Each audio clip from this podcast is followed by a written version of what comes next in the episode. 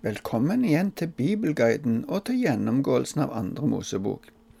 Sist gang så så vi på oppgjøret Moses hadde med folket etter at de hadde laga en gullkalv.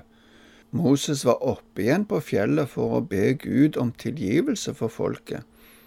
Moses hadde tidligere fått løfte om at Gud ville la være å ødelegge hele folket i denne anledningen, men han sier til Moses at hver enkelt må ta ansvaret for si synd. Allikevel lover Gud å sende sin engel med Moses når de skal gå videre til det landet han hadde lovt å gi dem. Selv om vi nå går over til et nytt kapittel, altså til kapittel 33, er det en fortsettelse av samtalen mellom Gud og Moses i forbindelse med det som hadde skjedd. Vi leser de første seks versene i dette kapittelet. Herren sa til Moses, Dra bort herfra, både du og folket du har ført opp fra Egypt, til det landet som jeg med ed lovet til Abraham og Isak og Jakob da jeg sa, Jeg vil gi det til din ett. Jeg vil sende en engel foran deg og drive ut kananeerne, amorittene, hetittene, perisittene, hevittene og jebusittene. Dra opp til det landet som flyter av melk og honning. Men jeg vil ikke dra opp med deg, for du er et stivnakket folk, ellers kunne jeg fortære deg på veien. Da folket hørte disse harde ordene, sørget de, og ingen tok smykker på seg. Men Herren sa til Moses, Si til israelittene, dere er et stivnakket folk. Om jeg bare et øyeblikk drar opp sammen med deg, måtte jeg gjøre ende på deg. Legg nå smykkene bort, så jeg kan vite hva jeg skal gjøre med deg. Fra da av, ved fjellet Horeb, la israelittene bort smykkene sine. Nå kan det se ut som at Gud nesten jager Moses og folket vekk ifra sin nærhet. Gud sier, slik som vi òg så i begynnelsen av det forrige kapittelet, at Moses hadde ført dette folket fra Egypt, sjøl om vi mange ganger tidligere har sett at det var Gud som førte folket. Han står allikevel bak løftet om at de skal få det landet som han hadde lovt å gi dem. Men så sier Gud at han ikke vil være med de sjøl. Folket er så stivnakka, eller kanskje vi skulle si stolt og hovmodig, at det ville være farlig for dem hvis Gud var i nærheten, for da ville han komme til å ødelegge dem på veien. Trusselen om dom etter det de hadde gjort, var fremdeles veldig reell. Folket ble sjokkert da de hørte det Moses fortalte.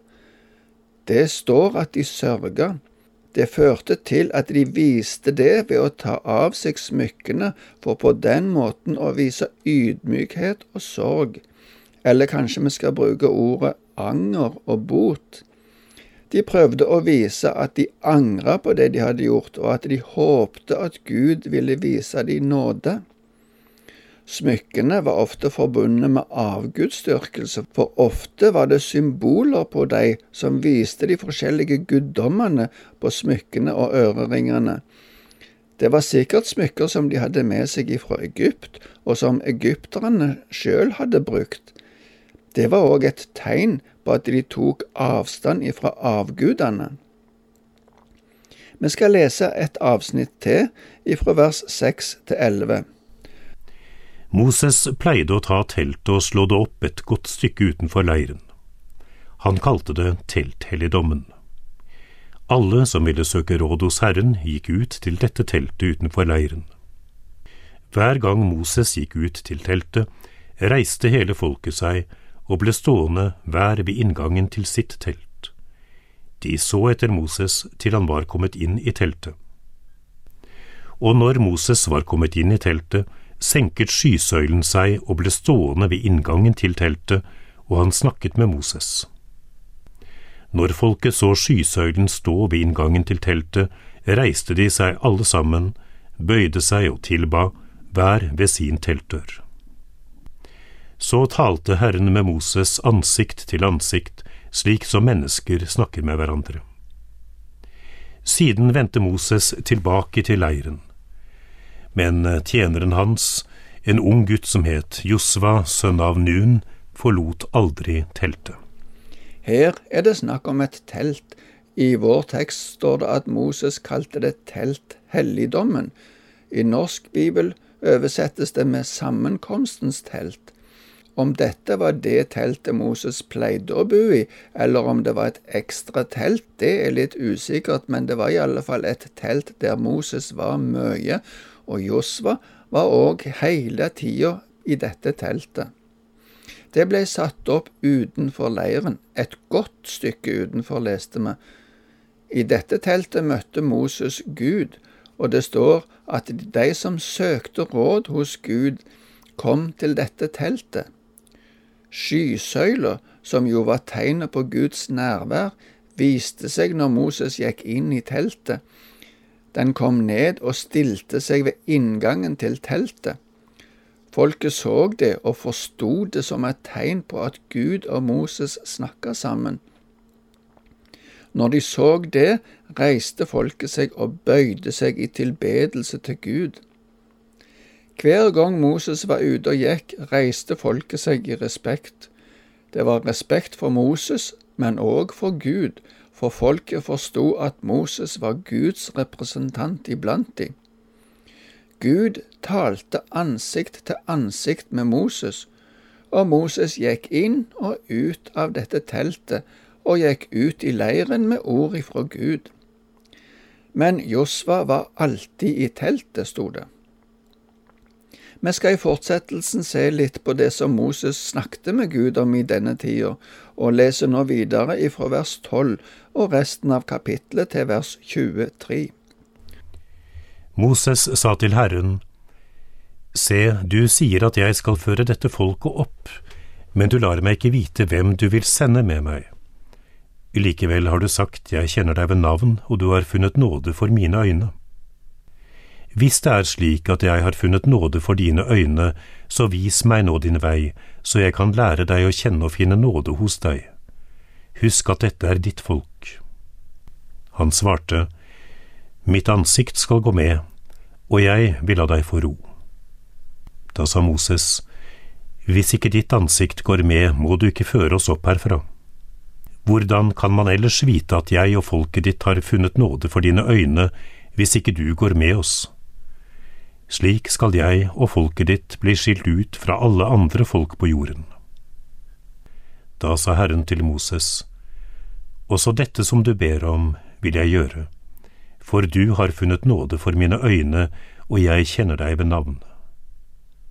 La meg da få se din herlighet, sa Moses.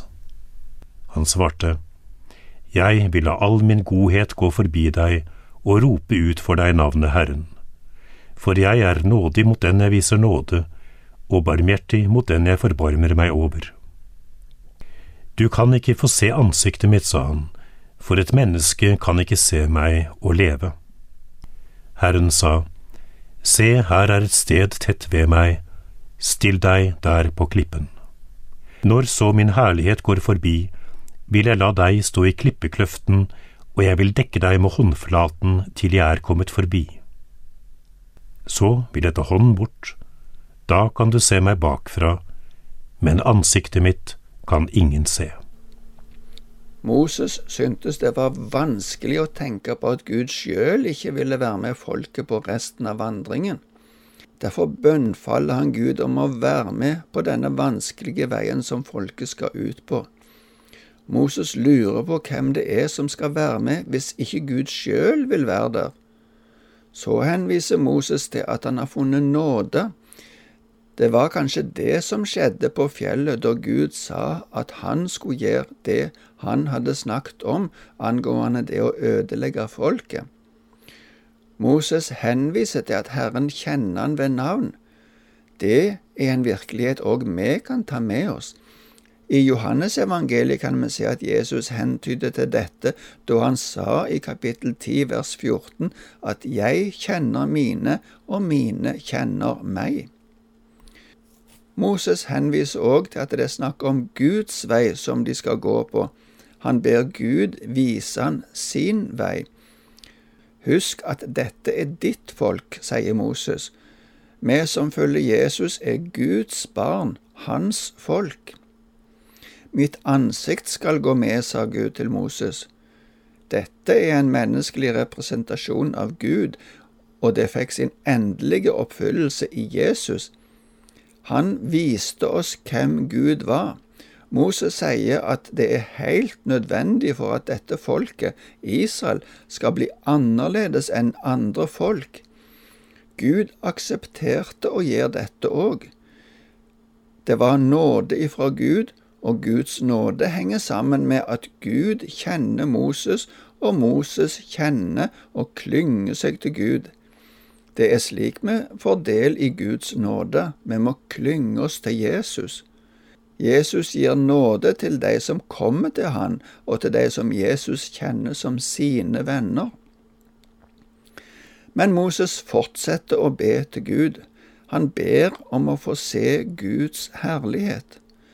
Moses ber om en enda større opplevelse av Gud enn den han hadde allerede. Kanskje vi òg tror vi kan komme så nær Gud som ingen andre, men her går der en grense Gud lover Moses at han vil vise han mye. Han skulle få en opplevelse av Guds godhet, og han skulle rope ut sitt navn. Gud viser sin nåde slik Gud sjøl finner det for godt. Det samme gjelder barmhjertigheten. Vi kan be, men ikke befale Gud om disse tingene. Guds ansikt, eller å se Gud slik han er, det er umulig for et menneske. Alle mennesker har synder og kan derfor ikke møte Gud ansikt til ansikt og likevel leve. Gud er hellig og tåler ikke synd. Men Gud vil gi Moses en sterk opplevelse av sin herlighet allikevel. Han inviterer Moses til å komme til et spesielt sted på fjellet.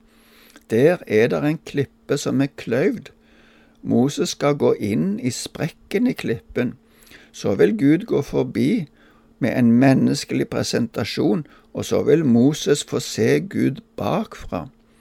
Moses skulle få en så stor opplevelse av Guds nærhet at han ville oppfatte det som vidunderlig og sterkt, men allikevel uten at det ville ta livet av han. I det neste kapitlet skal vi se hvordan det skjedde, men vi kan nevne at Paulus skriver i første Korinterbrev i det tiende kapitlet at klippen som fulgte dem, altså israelsfolket, var Kristus. Det var det vi rakk i dag. Takk for nå. Herren være med deg.